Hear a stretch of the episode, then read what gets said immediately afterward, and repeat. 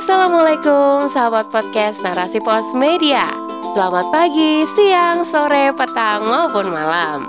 Di sini Dewi Nasjak akan kembali menemani sahabat semua Kali ini dalam rubrik Cerpen dan Cerpung yang berjudul Beleter oleh Apia Rasyad.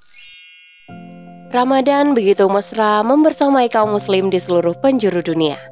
Namun, gonjang-ganjing duniawi terus menerpa seluruh negeri muslim mulai dari serangan fisik di Timur Tengah, mobil khusus serangan Israel di Palestina, sampai perkara politik ekonomi di negeri plus 62. Aksi mahasiswa sempat mewarnai tanah air dengan tuntutan perubahannya.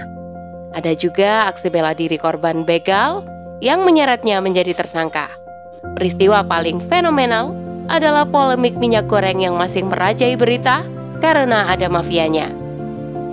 Angin pernyataan seorang tetua negeri mengoyak sanubari. Pedas ucapannya menggarami luka yang masih menganga. Pedih nian. Beleter sekali dia.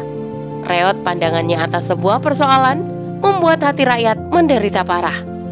Tajam sekali serangannya atas para emak yang melakukan ritual tahunan.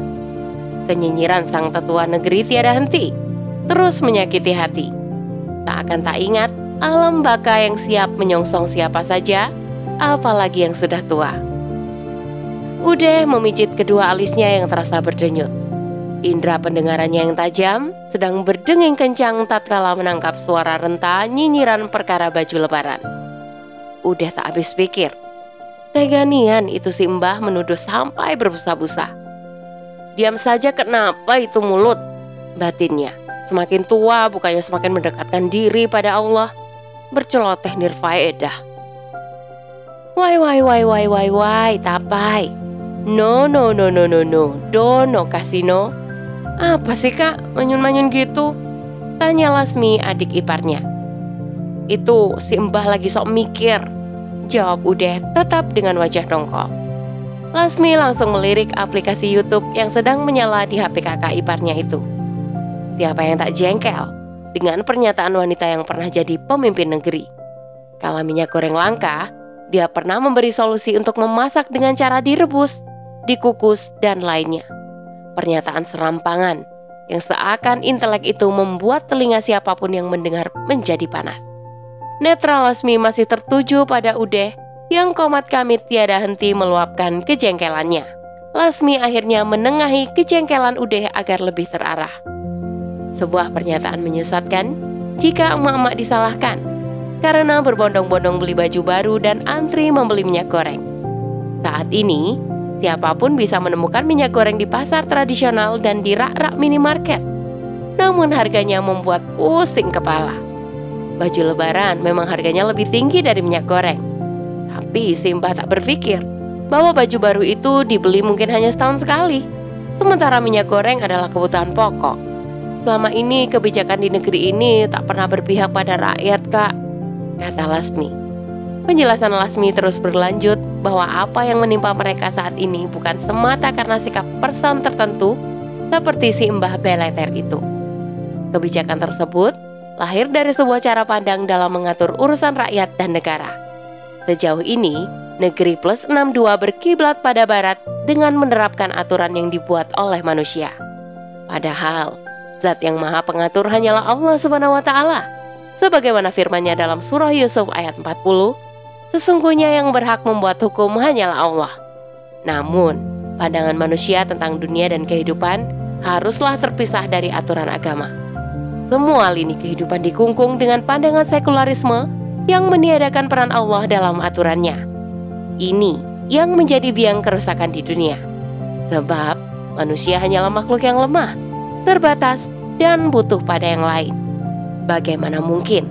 Apalagi orientasinya materi alias harta Jelas, mereka akan membuat aturan yang akan memperkaya diri mereka dan seluruh kroninya.